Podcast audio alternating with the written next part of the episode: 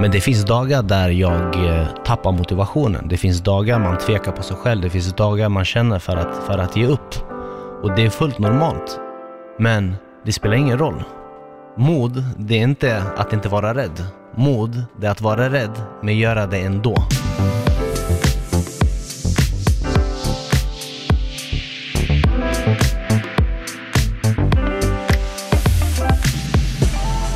Välkommen till podden Smile, Daniel Donlind. Är det ditt signalement? Kickelikut. Jajamän, det är det.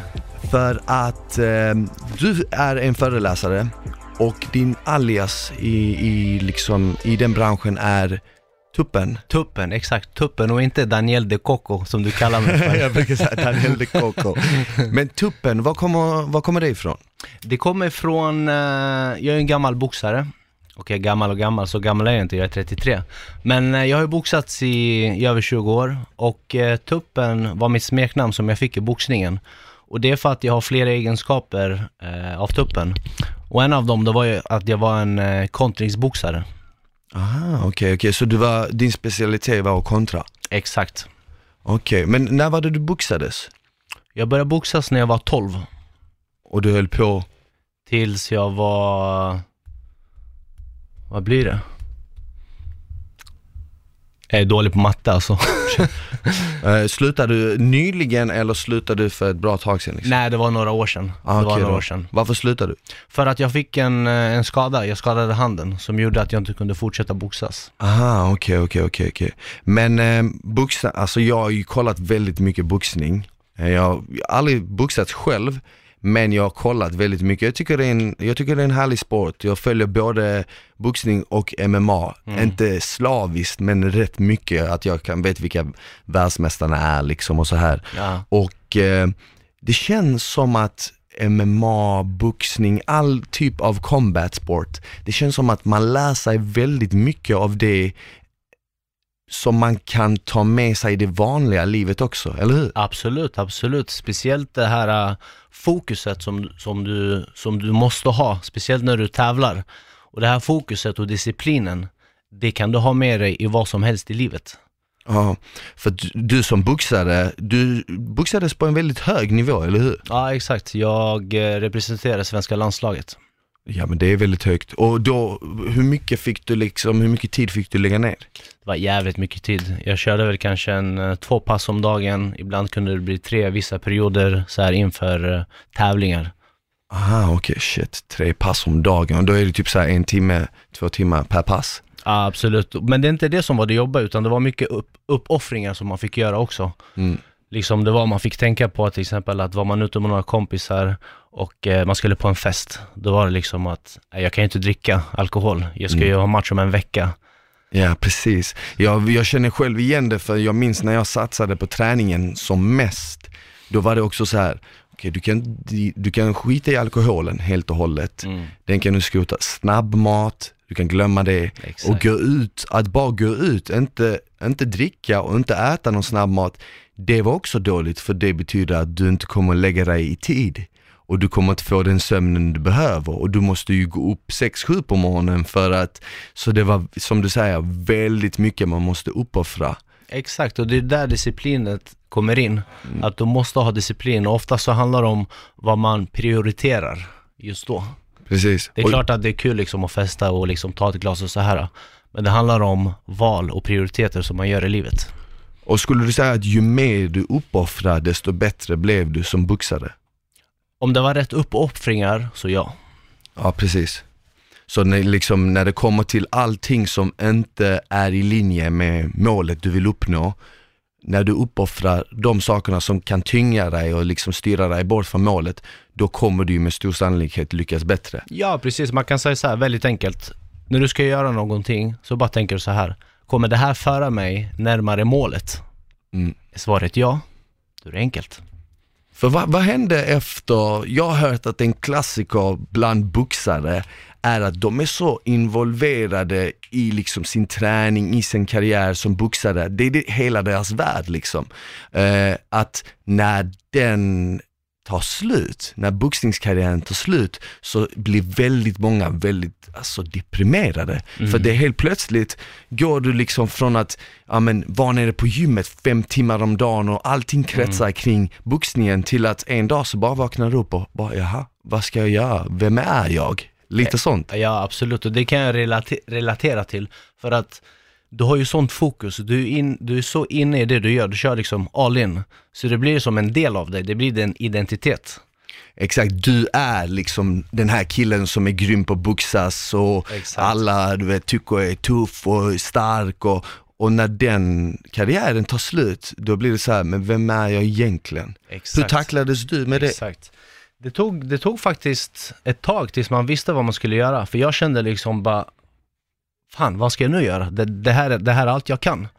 Men grejen var att, som tur är så har jag haft eh, Dallas som är min boxningstränare, som är min förebild, som har betytt jävligt mycket för mig och är en, den största anledningen till att jag är där jag är idag. Och han sa till mig att han bara, för att för att den karriären är över, för att boxningen är över, så behöver inte ditt liv vara över. Det finns ett liv efter boxningen.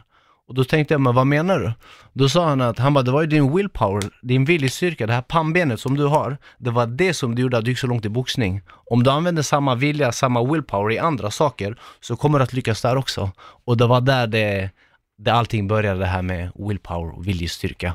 Ah, okay. Så Dallas var som en, för alla som lyssnar, Dallas är, är stor i den boxningens Malmö-profil, men även känd över landet också. Ja, Och precis. jag själv som inte har varit involverad i boxning kommer ihåg att jag har hört hans namn poppa upp flera gånger när jag var yngre liksom. Och han har alltid varit en, ehm, någon som har hjälpt ungdomar att liksom komma på rätt bana i livet. Exakt, en extra pappa. pappa en extra Dallas. pappa, exakt, exakt. Så att han var lite som en mentor för dig där.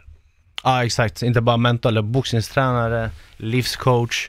Så han var liksom, han skilde sig jävligt mycket från andra boxningstränare. Utan han var liksom, det var, det var inte, han såg inte det bara som boxare. Han såg det även för, för andra saker också. Han såg det inte för den du var, utan han kunde se för den du kunde bli också. Ah, Självkänsla, där satte han Jag känner också att det är något som är otroligt viktigt, att, att man har turen, om man ska säga så, att man stöter på människor som faktiskt ser en för vad du kan bli och inte människor som ser dig för vad du är idag och, och vad du har varit. Det är nästan det värsta. Folk som ser dig för bara det du har varit. Exakt. Och sen finns det ju de som ser dig för vad du är idag, men sen så träffar man på en del människor som faktiskt ser dig för det du kan bli. Exakt, tar ett steg längre. Det tar, tar det sig. Och han sa ju liksom att okej men om du applyar din, din willpower, ditt pannben, det som har tagit dig fram i boxningen och gjort dig till Sverigemästare, Mm.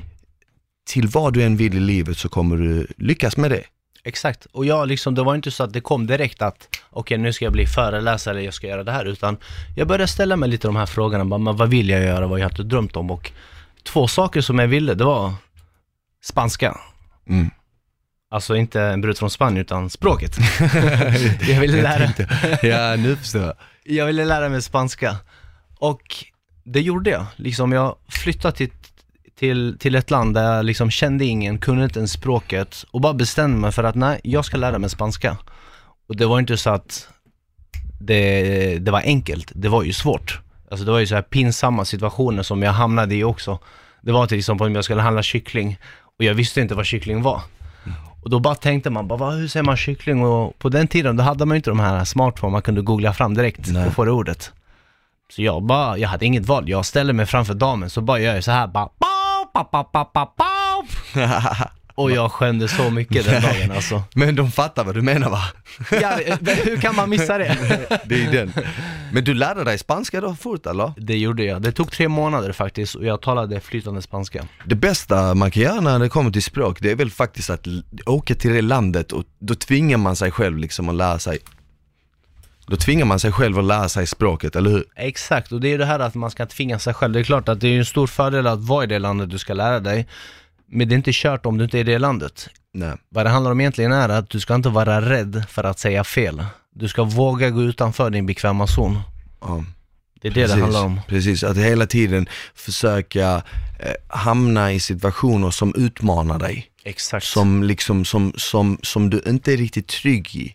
För det är något som jag brukar säga ofta till mina klienter, den här trygghetszonen, Mm. det är den som är väldigt farlig. För att Exakt. oftast går ju folk, vare sig det kommer till träning eller boxning, vad det än är som som, som, som du vill ska ta dig framåt så blir det typ att man kör något som är jobbigt. Men sen efter två, tre veckor så blir man bekväm i det för att kroppen är bra på att anpassa sig. Och så vill man gärna ligga kvar i den här bekvämlighetszonen för den är trygg och den är varm och den är skön att vara i. Den är, liksom, du har hittat din zon där du kan trivas och må bra men problemet är att det händer inget mer efter det. Exakt. det Det händer- du det utvecklas inget, nej. inte. Skulle du bara gå, komma till gymmet och köra samma rutin så kommer du få resultat de två, tre första veckorna. Men fortsätter du de kommande 50 veckorna liksom på Mm. året, ja då händer det inte så mycket mer än att det bara liksom, det blir tråkigt till slut och du ger upp. Exakt, det är motståndet som gör att du växer. Utan motstånd så kan du inte växa. Så Precis. enkelt är det. Så, så du åkte, du lärde dig spanska, vad var det andra du ville göra som, eh, som eh, du hade på listan? Det andra var att åka till Kuba och lära mig dansa salsa. Ah, fan vad kul! Så du har varit på Kuba? Jajamän. Men när gånger. var du på Kuba? Jag var där 2011. 2011. Och Jag har hört väldigt mycket om Kuba. Det har ju varit, det har varit isolerat på ett sätt, eller hur? Exakt. På grund av kommunismen och, och så vidare. och det är det som är det härliga med Kuba. Det är så här genuint, just för att det har varit blockerat. Då har du kvar allt det här genuina. Gamla gamla, bilarna, precis, byggnaderna, så här rosa hus och... Exakt, ja men det är som att åka 60 år tillbaka i tiden. Exakt, exakt. Och jag har, hört, Riktigt häftigt. jag har hört av många att man ska passa på att åka till Kuba nu medan det fortfarande är så för att snart kommer liksom de nya bilarna komma in, allting kommer att börja byggas om. Och så är det alltid, när, när något öppnas för turister så är det ju guld i början, sen Exakt. blir det ju lite slitet med tiden. Exakt. Eh, så du var nere på Kuba och du lärde dig dansa? Jag blev kung på salsa. Be, be, blev du känd eh, på liksom, var, var du i huvudstaden eller var? jo, jag var i Havanna, exakt. Exakt. Jag var i Havanna Varadero. Okej, fan vad nice. Fan vad nice. Så hur länge var du i Kuba då? Jag var där, jag var där tre gånger som sagt. Första gången var jag där eh, två månader, sen var det en månad och sen var jag där tre månader och eh, där boxades jag också. Ah, men det kommer inte bland världens bästa boxare, kommer ju från Kuba. De har en väldigt stark kultur inom boxning. Exakt. De bäst, bland de bästa boxarna är från Kuba faktiskt och det har ju mycket att göra med är man inte insatt i boxning då tror man lite som att man använder ju bara armarna, vad har fötterna med det att göra? Men kraften kommer ju från höften, från benen. Så har du bra fotarbete så, så vad heter det, så, Så- har du en stor fördel och det är där dansen kommer in. Jaha, så du menar med andra ord att folk från liksom Karibien, Latinamerika som Mm. har väldigt mycket dans i kulturen har en fördel när det kommer till eh, boxning till exempel? Fotarbetet i boxningen ja. Aha, det är så pass. Jag har ju oftast funderat på om det finns folk, liksom folkslag om man säger så, som har en genetisk fördel till att lyckas inom till exempel något som boxning. Och då kommer ju oftast typ, ja men kubaner upp som inom boxning. Mm. Ligger det något i det, som du som har varit i Kuba och träffat många människor där och, Jag tror inte det har med genetiken att göra. Jag tror att det har med kulturen att göra. Att det är en kultur, det är en vana, man är van vid liksom, liksom boxningen är stor där. Eh, här till exempel, men fotbollen eller ishockey eller handboll, det är stort. Så Ja, jag det tror är- det har mer med kultur att göra. exakt någonting, nästan som att man föds in i det. Exakt. Ryssland är också ett sånt land. Ja precis, precis, exakt. Så om, om, men det, det ligger nog väldigt mycket i det du säger, som att bor du i ett land var det är mycket snö och var du kommer ifrån har folk i generationer, många generationer innan dig åkt skidor. Då blir det automatiskt som att inte att du blir bra på att åka skidor, du är född till att åka skidor, men du är så van vid det och du har gjort det sedan barnsben att du utvecklar en förmåga för det som någon annan på något annat ställe i världen inte kan uppnå riktigt. Ja exakt, men det är det, vanor liksom, vad man är van vid. Men hur, hur gled du in på det här med föreläsningarna och motivationen? Det var faktiskt av en slump, eller dels så fick jag ju inspirationen av, Dallas har ju varit en förebild och Dallas har ju, har ju föreläst en hel del också. Han har varit ute på, för, på, för, eh, på skolor, på företag och föreläst väldigt mycket om eh, just med eh, att få personer att växa, självkänsla. Och jag följde med honom en hel del och jag såg ju hur folk kom fram, hur han liksom inspirerade andra. Och jag känner mer liksom att när jag boxades, jag även jobbar som säljare och man presterar en hel del. Det är klart man blir glad. Men den, den glädjen, den försvinner efter några, några dagar och sen är det ett nytt mål som du ska jaga hela tiden. Så det är liksom för stunden. Men sen att hjälpa någon annan att nå sitt mål, den glädjen, den håller i sig mycket längre. Och det kan jag relatera till att sen eh, började jag jobba som reseledare. Så jag var ute runt världen, jag var dels på i Gran Canaria, Dominikanska republiken, Portugal och så vidare. Och där upptäckte jag att jag jobbade som, som reseledare och jag hade hand om utflykter. Och det var så här tråkiga, historiska Kristoffer Columbus utflykter. Ja. Men jag tyckte det var skitkul och jag gjorde det på ett jävligt roligt sätt. Och sen när familjen kommer fram till mig och säger bara Tack Daniel, tack för att du har gjort den här semestern till din bästa ever. Vår dotter Felicia tyckte att din utflykt var roligare än Ocean World. Och Ocean World, det är där man simmar med delfiner. Aha. Jag menar, det är varje flickas dröm att simma med delfiner. Och när jag fick höra det, den känslan, den sitter kvar än idag. Som du kan se hur jag skiner upp bara jag, bara jag pratar om det. Mm. Så det är med det liksom, när du börjar saker för andra, den glädjen håller i sig mycket längre. Och jag, kan, jag tror att du kan relatera det också när du hjälper dina klienter med att, Ja. Det var ju det som fick mig att fastna för till exempel coachingen. Ja. Det var ju just det att när du hjälper någon annan att nå ett mål, vare sig det är i, i, i, inom karriären som, som kanske är med ditt fokus eller om det är inom träning och hälsa som är med mitt fokus, så ger det så mycket mer än något annat. För att, Exakt. vet, här ser du en människa som liksom inte trivs med vardagen, som tycker att de väger för mycket och, och, och liksom några veckor senare så har de blivit av med 15 kilo och de sprudlar av energi och de är positiva och de ser fram emot gymmet, något de har hatat tidigare. De, de, de ser fram emot att ta på sig eh, kläder som visar deras kropp mer och det ger mig så jävla mycket som inte mitt tidigare jobb när jag själv jobbade som säljare, precis som du, Exakt, kunde ja. ge. För där var det mer en jakt på siffror och mer jakt på prestationer. jag, jag, jag, är fokuset själv ja. och med jakt på att bygga upp ett företag som du kanske inte egentligen brydde dig om. Nu Precis. jobbar man lite för sig själv och för de här människorna som vänder sig till en för hjälp. För att ehm, idag så föreläser du en hel del, eller hur? Ja, ja, exakt. Och när du är ute på dina föreläsningar, är det många som kommer fram till dig, precis som den här liksom familjen gjorde eh, på Gran Canaria och säger liksom tack Daniel. Får du samma feedback eh, idag?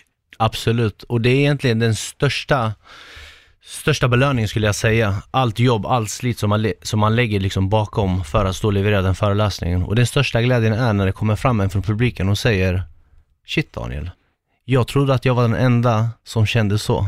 Tack, nu har jag fått hopp. Jag trodde att jag var ensam om det. Och just återigen, då får du hela tiden bekräftat att du gör någonting bra. Du är ute och inspirerar folk, du hjälper folk att ta sig ur eh, den här eh, utmaningen som de är i. Och mina föreläsningar, det är egentligen väldigt igenkännande. Det är liksom, antingen har du varit där, eller så är du där, eller så kommer du att hamna där också. Och jag pratar väldigt mycket om, eh, om utmaningar. Och grejen är att Ja men vi har ju snackat om det här innan, det här med sociala medier till exempel och vad var det du sa, utan filter. Ja, Precis. Och det är ju det här också att man väljer ju vad man lägger upp på sina sociala medier. Och jag är en person som, jag lägger aldrig upp någonting eh, när jag har det jobbigt eller jag har det tufft. mm. Det är någonting som jag själv har valt och då väljer jag att göra det med, jag har vänner som jag kan prata med om, eller så berättar jag om det på mina föreläsningar. För alla vet att framgången är inte spikrak nej. när folk kommer, ja ah, men fan vad, vi ser att det går bra för dig, fan vad kul. Tack så mycket. Men de vet ju inte allt bakom, allt jobb och slit och utmaningar som ligger bakom. Det syns ju inte. nej men så är det verkligen. Det är nästan lite som eh, toppen av isberget. Exakt. Du ser ju bara liksom den slutprodukten. Det är när du står på scenen, när du drar din föreläsning och folk ser den här halvtimmen eller timmen av material där du inspirerar, där du snackar om willpower, där du pushar folk. Det är vad folk ser. Och det kan, det kan ge dubbla signaler. Dels kan det inspirera människor, dels kan det också få människor att känna, ja men jag vill göra det han gör. Och utan att faktiskt veta att där ligger en massa, massa år bakom det. Inte bara år där du jobbat mot det, år där du jobbat på dig själv mot att inte gå åt fel riktning. Exakt. För att även om du idag eh, är aktiv som liksom föreläsare, när du inte var det, så har det också varit på, på sätt och vis ett förarbete till den slutprodukten, till den människan du är idag. Så som när jag säger toppen av isberget, det är nästan lite som när en bodybuilder står på en scen och visar upp sin kropp och man ser den här slutresultaten, 30 sekunder står personen där uppe och visar upp sin kropp. Men han, har, han eller hon har jobbat för det i tio års tid. Precis. Och det är lite så. Men du, du, du snackar om willpower och det var ju som du sa, det här med pannben och liksom viljan att hela tiden ta sig fram och hela tiden överträffa och, och, och, och inte ge upp. Det är ju det du föreläser om i dagsläget. Exa exakt. En tupp ger aldrig upp, det är ju mitt motto. Och det, det handlar liksom mycket om att man ska inte bara snacka om det, du måste leva upp till det också. Du måste liksom leva som du lär. Och det är någonting som jag har haft med mig i hela livet, att aldrig ge upp. Och det är ju inte brist på att sätta mål. Folk vet hur man sätter mål. Folk sätter mål, nyårslöften och hela den biten. Men vad är det då som gör att vissa når sina mål och andra inte gör det? Och det är där willpowern kommer in, viljestyrkan att fortsätta när det är tufft. Det är där de flesta ger upp. Så du skulle säga att det, det, det flesta som hindrar människor att lyckas och nå, med att nå sina mål, det är att de ger upp, eller? De slutar när det kommer en motgång, ja. Exakt. Vissa slutar på första, andra, tionde, femtonde.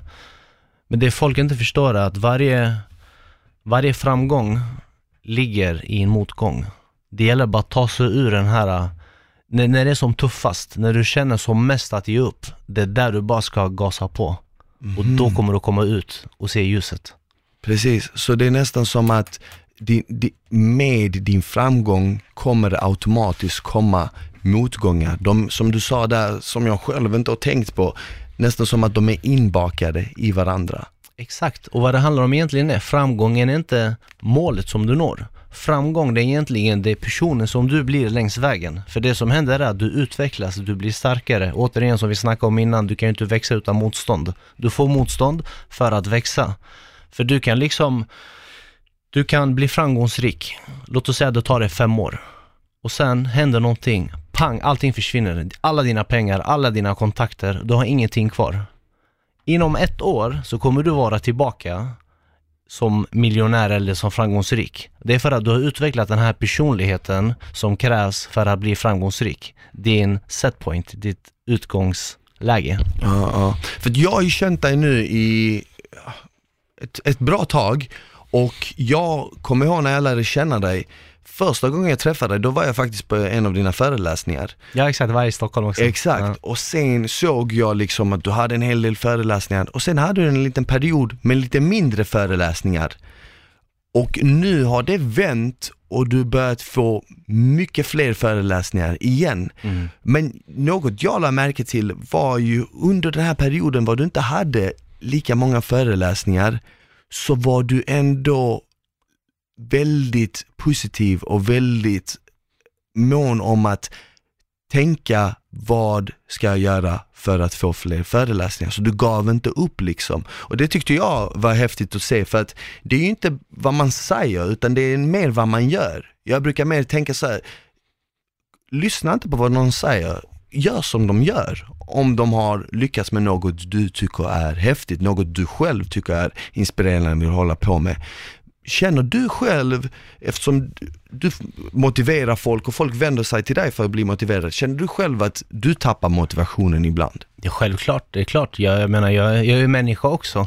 Det är klart att oftast är jag motiverad och, och taggad och så vidare. Men det finns dagar där jag eh, tappar motivationen. Det finns dagar man tvekar på sig själv. Det finns dagar man känner för att, för att ge upp. Och det är fullt normalt. Mm. Det finns dagar jag är skitnervös när jag ska upp och, och föreläsa, eh, till exempel. Men det spelar ingen roll. Mod, det är inte att inte vara rädd. Mod, det är att vara rädd, men göra det ändå. Ja. Och du kan inte misslyckas om du fortsätter. Ja. Nej men jag håller med till tusen procent där. Det är inte det är omöjligt nästan att vara orädd. Det är väldigt konstigt om du inte är rädd. Exakt, du är inte jag. mänsklig liksom. Men, men det är precis som du säger, det är okej att vara rädd så länge ditt mod vinner över den känslan, liksom den rädslan. Exakt. och komma över det. Och jag själv nästan tycker att man presterar nästan lite bättre när man är lite nervös.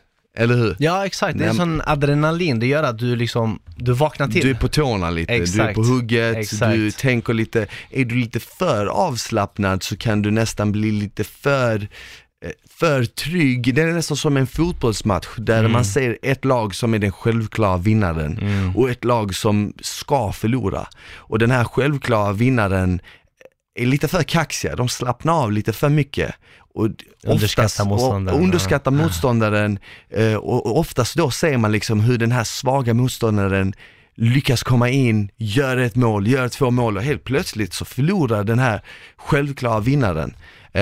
Lite så känner jag själv att när man är lite för kaxig, lite för översäker så blir det att man lätt halkar och liksom eh, förlorar. Exakt, och det, det, det, var det, det var nog lite det som hände mig. När du liksom glömmer bort det och samtidigt och var tacksam också. När egot blir för stort, då kommer någonting och bara pang. Mm. Och det var det som hände mig. Jag hade en period där jag knappt hade några uppdrag. Jag tänkte, vad fan ska jag göra? Det var månader, jag visste inte hur jag skulle betala, betala hyran till exempel. Mm. Och det är, det är liksom eh, jag tror allting händer av en an- anledning. Det var någonting som jag behövde lära mig och växa på någonting. Så återigen, jag, det är klart, jag satt inte, jag tänkte jag måste göra någonting. Så jag eh, började jobba på en skola, jobba med ungdomar och försökte ge tillbaka så mycket som möjligt. Och liksom släppte fokuset på att hela tiden jaga den här framgången. Att ha, willpower handlar inte bara om att köra på. Willpower handlar om att veta när du ska sluta också. Det är lite som en bonde, om du liksom ska plantera någonting och så, och så vattnar du dem. Mm. Men fortsätter du vattna hela tiden så dränker du dem. Mm. Du måste låta naturen få sin, sin gång också. Backa lite. Och det var det jag fick göra. Under tre månader var jag helt borta. Folk ringde mig och skrev till mig, mår du bra? Du har inte lagt upp någonting på sociala medier på tre månader. Ja. Jag mår bra, jag vilar just nu. Och jag gjorde något annat. Och jag växte enormt där.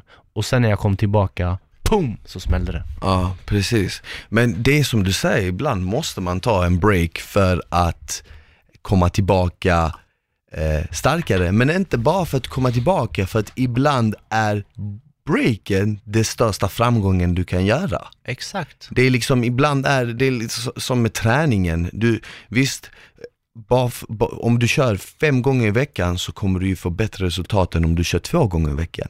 Men bara för att du kör sju gånger i veckan betyder inte att det är bättre för att du kör fem, för de här två vilodagarna kanske behövs. Exakt. Och samma sak är det i, i, i, i, i samma sak var det för dig liksom, där du behövde liksom de här tre månaderna för att reflektera över en del saker och lära dig uppskatta det du Exakt. tog för givet. Exakt, det var nog mer det att jag var tvungen att backa lite. Inte, det är skillnad på att liksom sluta, utan pausa och vila, eller på att ge upp. Mm. Så jag liksom backa och se saker från annat perspektiv och börja reflektera över vad är de viktiga sakerna i livet till exempel.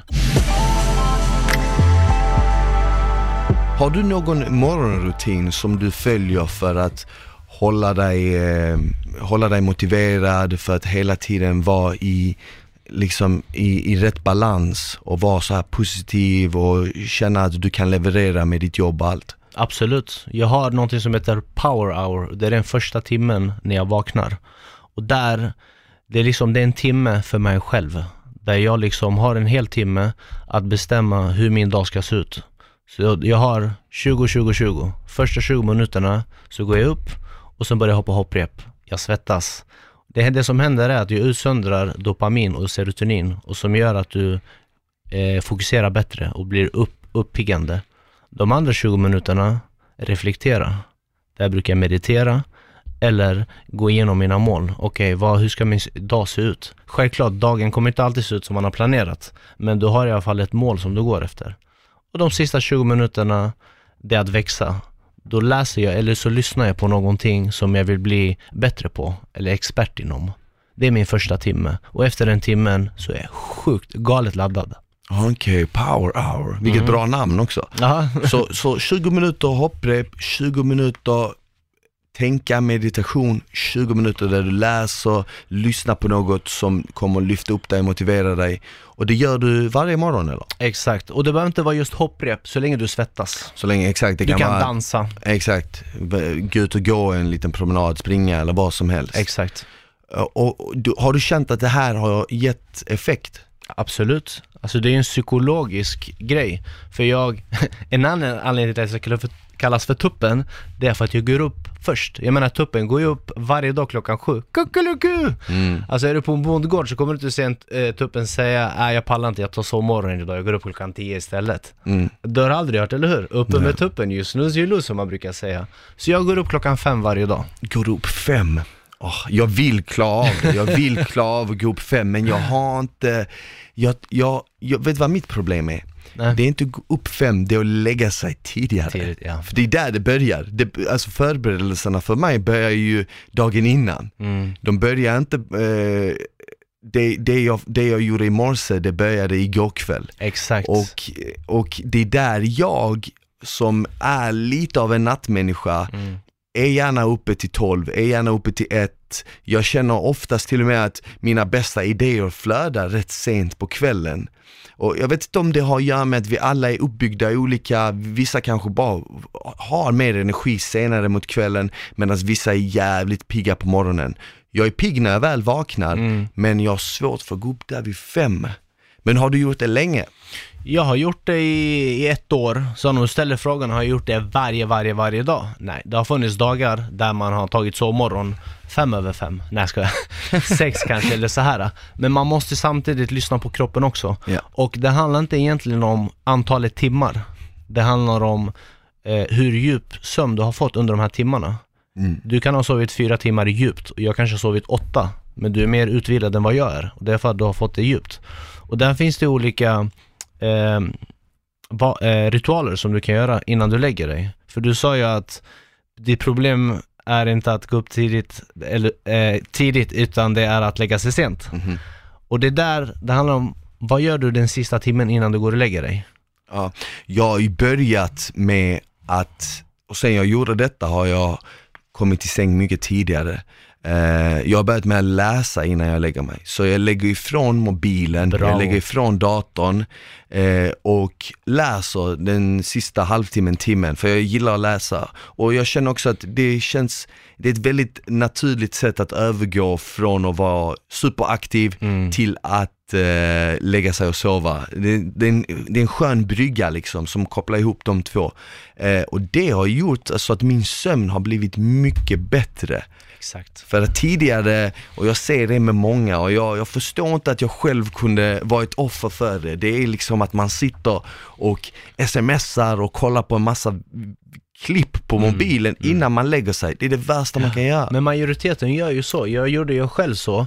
Och det är liksom för att Ofta så brukar det vara liksom att man har inte vetat om det, brist på kunskap. Men när jag börjar läsa på om vad som händer, att vi är faktiskt mottagligast första timmen när vi har vaknat Mhm. och sista timmen innan vi lägger oss. Där är vi som mest mottagliga.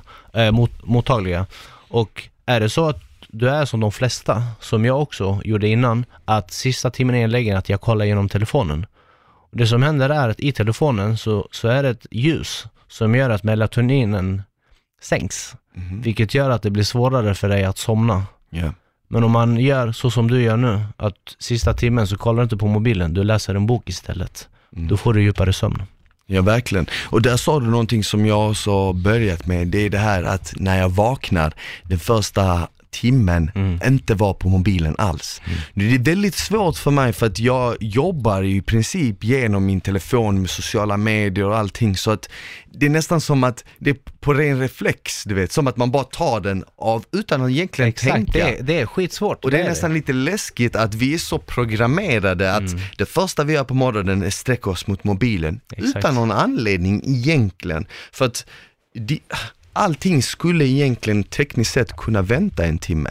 Eller hur? Absolut, absolut. Men vi är ju programmerade som du sa, det, och det handlar om vanor. Man är ju van vid någonting.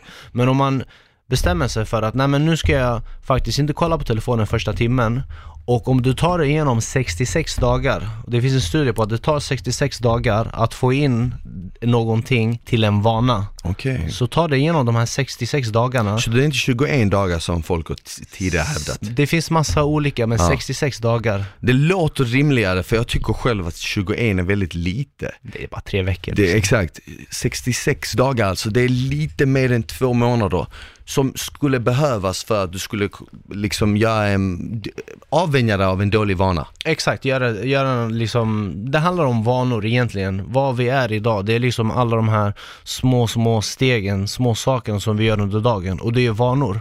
Jag brukar säga så här på mina föreläsningar, ställa frågan rakt ut.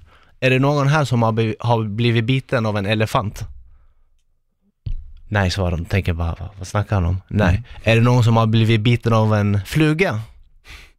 Exakt. Och det är de små, små sakerna som bits i livet Ja, de här små sakerna som är lätta att göra, men lika lätta att låta bli att göra. ja Och det är vanor. Verkligen, verkligen. Men när du lägger fram det så, så tänker jag också att då kan man ju egentligen, om man skulle verkligen ta de här, ta den strategin och tänka, okej de kommande 66 dagarna kan jag inleda en riktigt grym vana, något som idag känns omöjligt men som om 66 dagar kommer falla sig så naturligt för mig. Lika naturligt som att gå på toaletten kommer det här vara liksom.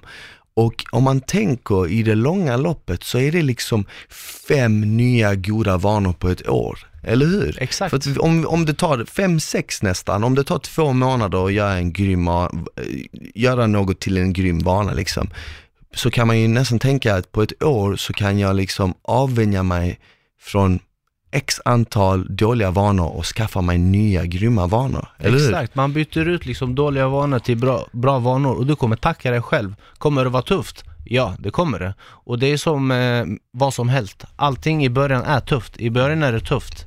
I mitten är det rörigt, det är jävligt rörigt. Det är då man oftast vill ge upp. Men tar du igenom det i slutet så är det underbart och du kommer tacka dig själv också. Exakt. Och, och, och, men tar man också en strategi med att man tar små steg och inte hoppar på, för att jag, jag vet av egen, egen erfarenhet tidigare när det varit så här nyår, om man gör ett nyårslöften och så bara, okej, jag ska börja träna, jag ska sluta äta dåligt, jag ska lägga mig i tid, jag ska, och helt plötsligt rabblar du upp sex olika superbra vanor som du vill göra över en natt. Och det är inte så konstigt är att inte man rimligt, misslyckas med det egentligen. Men om man bara tänker mer så här, okej, jag ska börja med att lägga mig i tid. Allt det här andra får vänta, det har, tar sin tid, livet är långt. Vi underskattar vad vi kan göra under en livsstil, livstid, men vi överskattar vad vi kan göra på ett år, eller hur? Exakt. Och om man bara tänker så här, okej, jag ska börja med att lägga mig i tid. Mm. Om det är 10 eller 11, vad det än är. Jag ska börja lägga mig i tid och det ska jag göra de kommande 66 dagarna. Och sen bockar man av den och sen tänker man, okej, jag ska ta mig till gymmet fyra gånger i veckan. De kommande 66 dagarna. Och sen bockar man av den. Och sen, jag ska börja med att äta nyttigt de kommande 66 dagarna. Och så fortsätter det så och helt plötsligt har det gått förbi ett år och du har sex supergrymma vanor som är jättenaturliga för dig. Istället för att rabbla upp dem den 31 december och sen den första januari Exakt. kötta på och ge upp två veckor senare. Exakt, exakt. Men det, det, det är just det, det är den strategin man ska använda. Så istället för att gå från att aldrig ha tränat till att jag ska träna fem gånger i veckan, en timme varje dag. Nej, börja med två gånger i veckan. Kör det några veckor, vad händer? Du har hållit det du har lovat för dig själv, din självkänsla höjs, boom, du höjer det till tre gånger i veckan. Stegvis och så trappar du upp. Mm, precis, precis. När du jobbar med dina föreläsningar, jobbar du på nytt material varje år, eller hur går det till? Är det liksom, är det, en- är det liksom, i och med att det är en föreläsning inför en publik, är det precis som en stand-up-komiker skriver eh, liksom sitt material, om det är en halvtimme eller timme, och förnyar det för varje år, eller hur, hur funkar det? Mina föreläsningar de förnyas hela tiden. För det är mycket storytelling som jag berättar. Och det är liksom erfarenheter, saker som har hänt. Och det händer ju saker hela tiden. Jag växer hela tiden. Man får nya perspektiv, nya idéer. eh, och så vidare. Så ja, föreläsningarna de utvecklas ju hela tiden, de ändras.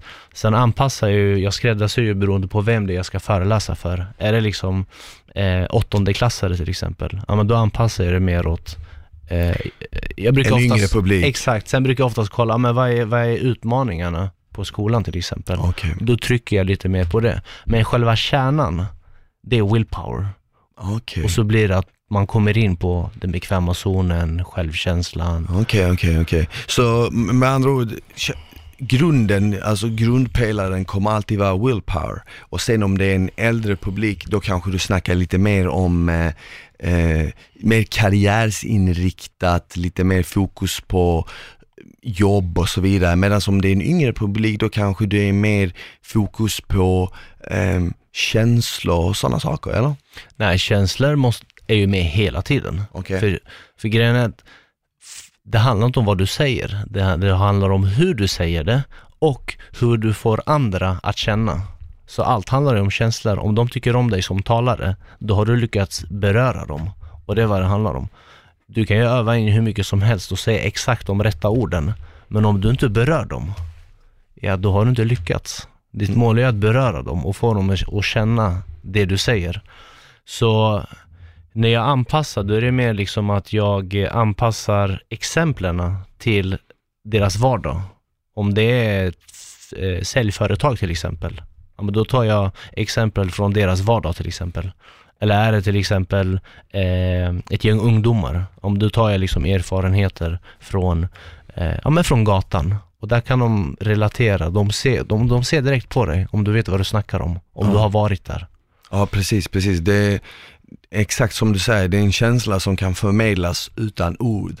Med bara liksom kroppsspråk. För vi glömmer hur mycket vi kommunicerar egentligen genom att bara liksom, bara vara utan att prata, bara röra på oss och liksom så gestikulera, sättet vi säger saker på exakt. och säkerheten som kommer bakom det. Men förutom Dallas, vem har du mer haft som stor inspiration när det kommer till, eh, till motivation? För jag har ju det senaste två åren skulle jag säga, ett och ett halvt åren, lyssnat på väldigt mycket mot- Mm. motivational speeches på mobilen när jag tränar, när jag är ute och springer och jag kan säga att nu talar jag bara för mig själv, att det har ändrat mitt liv väldigt mycket. Det har gjort mig väldigt mycket positivare, väldigt mycket mer motiverad. Mm. Men det är också något som man måste fortsätta göra hela tiden. Exakt, det, är ingenting som, det är ingenting du kan göra liksom tre gånger i veckan och sen, ja, sen räcker det för hela året. Nej exakt, du duschar inte tre gånger i veckan, Nej,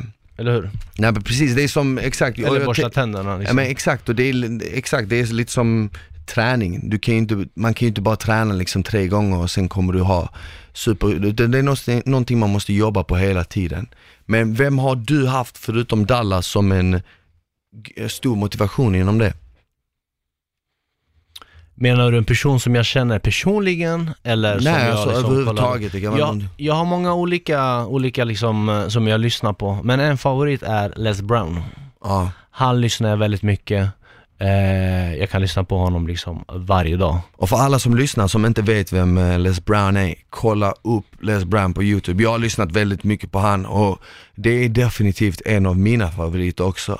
Sättet, eh, som du säger, sättet han pratar på är väldigt, man känner, det känns som att han pratar till dig. Exakt, exakt. Energin som han förmedlar. Så det är min, det är min favorit eh, motivationstalare. Men en annan eh, som har hjälpt mig väldigt mycket att växa mer spirituellt, det är faktiskt min, eh, min föreläsarcoach fru, Maria. Okej?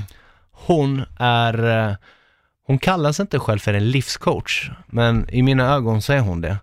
Hon är, hon är jävligt duktig på att lyfta upp en person och hon ger inte dig svaret, utan hon låter dig själv gräva i dig själv, så mer liksom inifrån. Och allt börjar ju med dig själv. Så det är en eh, coach som jag har haft nu i eh, snart fem år, Mm. som har coachat mig väldigt mycket, där jag har fått jobba mycket på mig själv. Hon fick mig in på det här med me- meditera. Jag Ja. menar, för fem år sedan skulle du säga till mig att jag skulle börja meditera, jag skulle skratta. Ja. Men jag mediterar, jag mediterar 15 minuter varje dag. Mm. Och det fyller på min energi så enormt. Ja, så hon med andra ord hade samma kvalitet som Dallas när det kom till att hon kunde se vad du kunde bli. Exakt. Och, och, och på så sätt liksom ledde dig till att tro att du kan mycket mer än vad du kan. Exakt, Eller hur? exakt. Och det är liksom, det roliga är liksom hur man connectar med folk också. Jag kom i kontakt med henne i en period i mitt liv där jag hade det jävligt tufft just karriärsmässigt. Då, då hamnade jag i en dippa där liksom att i början så förstod jag inte att som föreläsare så har du perioder. Lite som artister. Du jobbar nio månader per år. Under sommaren är det stendött. Det fattade inte jag från början. Och då kom det sommaren och jag tänkte, vad hände här? Inga uppdrag. Eh, lång historia kort, jag var med i en, eh, i en Facebookgrupp där man har olika talare. Och då skrev jag liksom att jag behöver jobb, jag behöver sommarjobba någonstans. Och då skriver, då skriver hennes man David till mig, som är idag min föreläsarcoach, skriver då att eh, ah, nej, men jag bor ute på en herrgård ute i Ramnäs och här behövs det alltid någonting att göra. Mm. I mitt huvud så tänkte jag, ja, men så här, klippa gräset, bära stockar eller så här. Så kom jag dit så visade det sig att de hade precis skaffat en hundvalp, en eh, eh, labradoodle.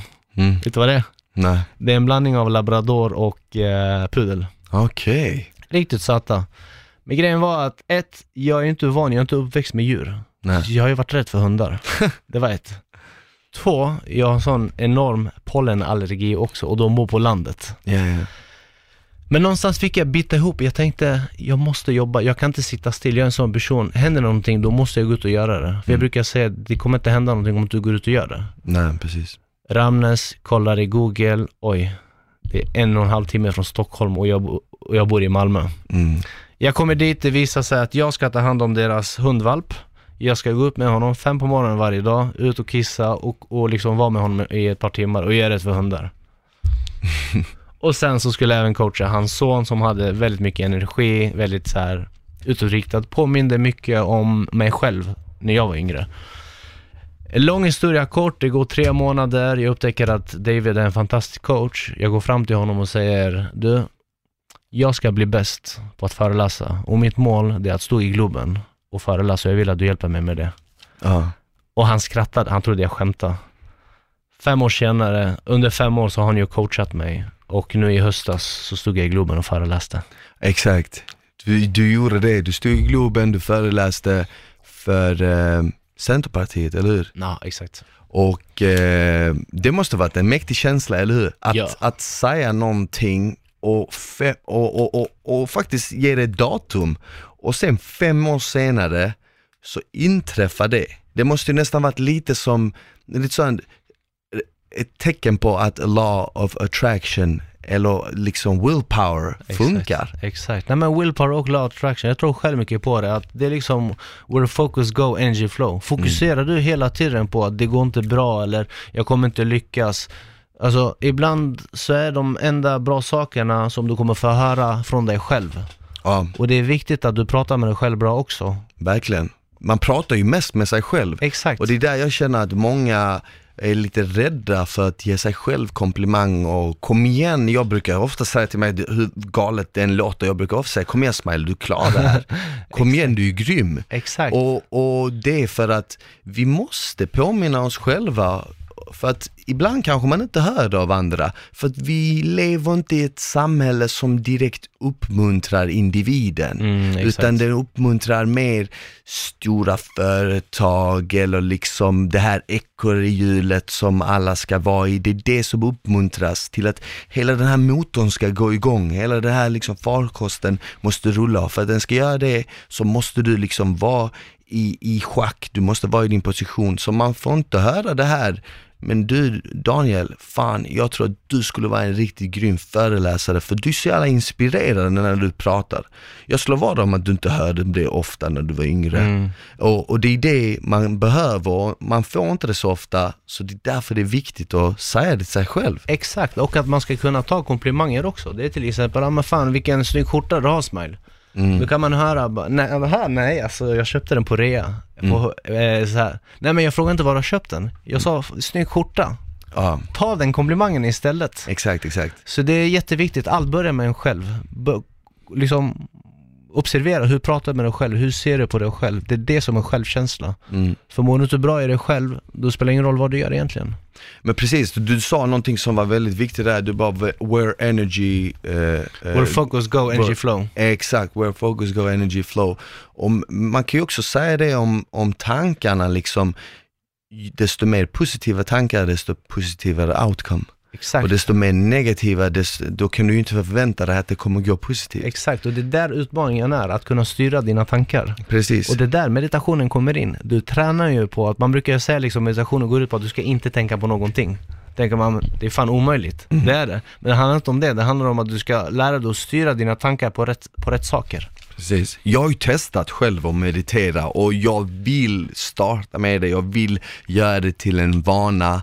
De här 66 dagarna, jag måste gå igenom meditation med just det. Eh, för den lilla, det lilla, de gångerna jag har gjort det har det varit så, så mäktigt. Jag har känt direkt att 10-15 minuter om dagen det gör så mycket. Jag, jag fokuserar mycket bättre. Jag märkte att när jag var i konversation med människor så lyssnade jag och hörde bättre. Jag, jag, jag lyssnade inte för att svara utan jag lyssnade för att höra. Vet, jag var verkligen i nuet mycket bättre. Ja. Och jag märkte det på några få gånger av meditation. Då, det fick man känna så här, jag bara wow, det här är fan starkt. Jag bara, tänk om man lyckades göra det här en halvtimme om dagen i ett år. Exakt, det är en enorm kraft och det är någonting som jag har fått jobba på. Mm. Du kanske har märkt det ibland när vi har hängt att jag inte lyssnar på vad som sägs. Det är någonting jag jobbar på. Jag Ja. har blivit bättre och det hjälper mig faktiskt att lära sig att lyssna. Att vara där, inte bara fysiskt utan Ja, ja men, det är så, men, men det är också, det är också, det är så livet är, man måste ju jobba på sådana saker. Det är precis som du sa, hade du frågat mig för fem år sedan, ska du meditera? Så hade jag skrattat åt dig. Och jag är likadan, hade, hade, hade, hade man gått tillbaka och kikat på Smile för fem år sedan, eller tio år sedan, eller när jag var ungdom liksom, och sagt, ja men en dag kommer du liksom coacha folk och inspirera dem och träna dem, hjälpa dem komma i form och äta väl och sånt. Jag hade också tänkt, va, skojar du med mig? Du snackar med fel person alltså. För, så stökig som man var liksom, eh, man hade en jättemycket, en massa energi men man förde den energin i fel riktning och fel saker liksom. Exakt, och det var så du såg på Smile på dig själv då och nu ser du dig på något annat. Exakt. Vem har din största inspiration varit då? Jag har haft Dallas, vem har liksom fått dig in på dem? det som har fått mig att bli mest inspirerad, eh, jag tror att det är ingen person, inte en enstaka person, en- och samma person, Mm, utan jag har, följt, alltså. jag har följt en del olika på så sociala medier, på YouTube, ehm, inom träning, entreprenörer, inom media, film, det har jag följt. Men det som också har fått mig att känna eh, att hela tiden förbättra mig, det är någon, en, en, en inre röst som jag Okej. inte riktigt kan förklara, men en inre röst som har sagt du är, du, är, du är skapad för något mer än bara det. Tro på dig själv. Det, det, kom igen, du, du är skapad för något mer. Är du inte nyfiken på att ta reda på vad det är? Det är någon sån vet, som har sagt till mig, typ en liten röst och jag är ju, jag är troende, jag tror inte på någon specifik gud eller någon specifik religion, men jag tror på en gud liksom. Mm.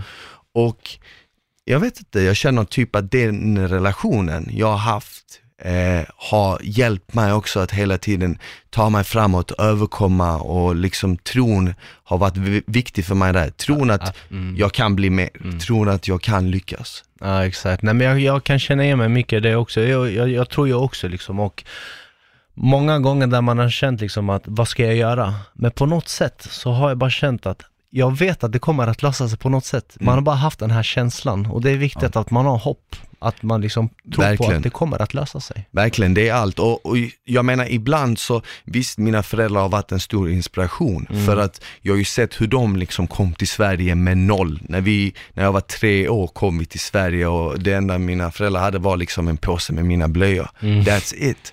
Och jag såg hur de krigade med tre olika jobb vardera hela tiden för att vi jag och mina syskon skulle ha det bättre, du vet, ha en bra skola, bo i ett finare område, Mm. inte vara utsatta för en massa skit och sånt. Eh, och det gav mig ju liksom, det, jag fick ju se i för, front row liksom hur de krigade och det gav ju mig, det gjorde mig väldigt inspirerande. Sen så har de ju inte kämpat för samma saker som jag vill kämpa för. Men man kan fortfarande ta den principen och den viljan och den eh, Alltså den, den och, och ta det och fortfarande applya det på sitt eget liksom. Exakt, och där sa du någonting att, det är som du sa lite innan det här med att göra saker istället för att säga. De sa ju inget speciellt till dig, utan de gjorde det. Och du tittade på hur de gjorde, hur de kämpade. Precis. Och så applyade du det i de, Ja men det, det du ville. det, det, det, och jag tror också att det är därifrån handlingar väger mer än ord kommer ifrån i Exakt, slutändan. För att alla kan ju, alla kan ju säga vad som helst. Mm. Du hade ju också kunnat ställa dig upp på en scen och säga du ska göra det här för att ha willpower, du ska göra det här för att vara motiverad. Jag hade också kunnat säga liksom till mina klienter, du ska äta det här, du ska träna så här. Men om jag bara säger det och sen gör motsatsen, vad Exakt. ger det för signaler? Mm, Men om jag faktiskt lever vad jag säger, exakt. då är det mer så här, okej men gör inte vad jag säger, gör som jag gör om du vill ha en grym kropp. Eller liksom, gör inte vad Daniel Donlind säger, gör som han gör om du vill skaffa dig bättre willpower, om du vill vara motiverad liksom. Exakt, exakt. Och det är det jag föreläser om också. Jag får ju förfrågan om olika ämnen liksom. Och är det ett ämne som jag inte liksom, inte har erfarenhet, tackar jag nej. Mm. Jag bara, jag kan inte stå där och prata om, eh, jag vet inte, alkoholmissbruk till exempel. För jag har inte den erfarenheten. Nej precis, Så allt jag står och pratar om, det är saker som jag har levt. precis, precis. Jävligt grym föreläsning måste jag säga, jag har varit på två, tre av dina föreläsningar, alltid lika inspirerande. Tack så mycket. Och det har varit riktigt kul att ha dig här. Vi måste göra om det här igen. Var kan man, eh, var hittar folk dig? Du finns på sociala medier, på Instagram. Ja, exakt. Daniel Donlind finns jag på Instagram. Daniel Donlind på Instagram och eh, även, eh, vad har du, har du, eh, finns du på någon annan plattform? Det är mest där jag är aktiv. Jag har ju, ja nej men Instagram. Instagram och min hemsida danieldonlind.se. Exakt. Så kolla in Daniel på Instagram, hans hemsida. Riktigt inspirerande, motiverande och jävligt kul att ha dig här. Kul att vara här. Det här är första Tack. gången jag är med i en podd också. Är det det? Jajamän. Vad tycker du då? Det var eh, sjukt spännande, jag måste erkänna, jag var lite nervös faktiskt. Ja. Då kan man tänka, hur kan jag vara nervös som har föreläst inför tusentals? Men eh, det här är faktiskt utanför min bekväma zon, liksom att jag ser inte liksom, nej jag vet inte, jag tror det är en mental grej som man har bara, det är nytt. Det är nytt, det är en Exakt. vanesak. Ja. Jag, jag, jag märkte ju också på dig att de första 10 minuterna och de här sista 10 minuterna har varit en stor skillnad bara på hur du liksom slappnar av mer mot slutet än början. Och det är precis som att nästa gång du gästar en podd kommer du vara ännu tryggare, alltså det är ju en vanesak. Lite som de 66 dagarna, nu kanske det var 66 minuter, lite Exakt. under, men ja, Exakt. Grymt, jävligt kul att ha dig här. Fortsätt göra vad du gör. du med. Ha det bäst. Ciao. Ciao.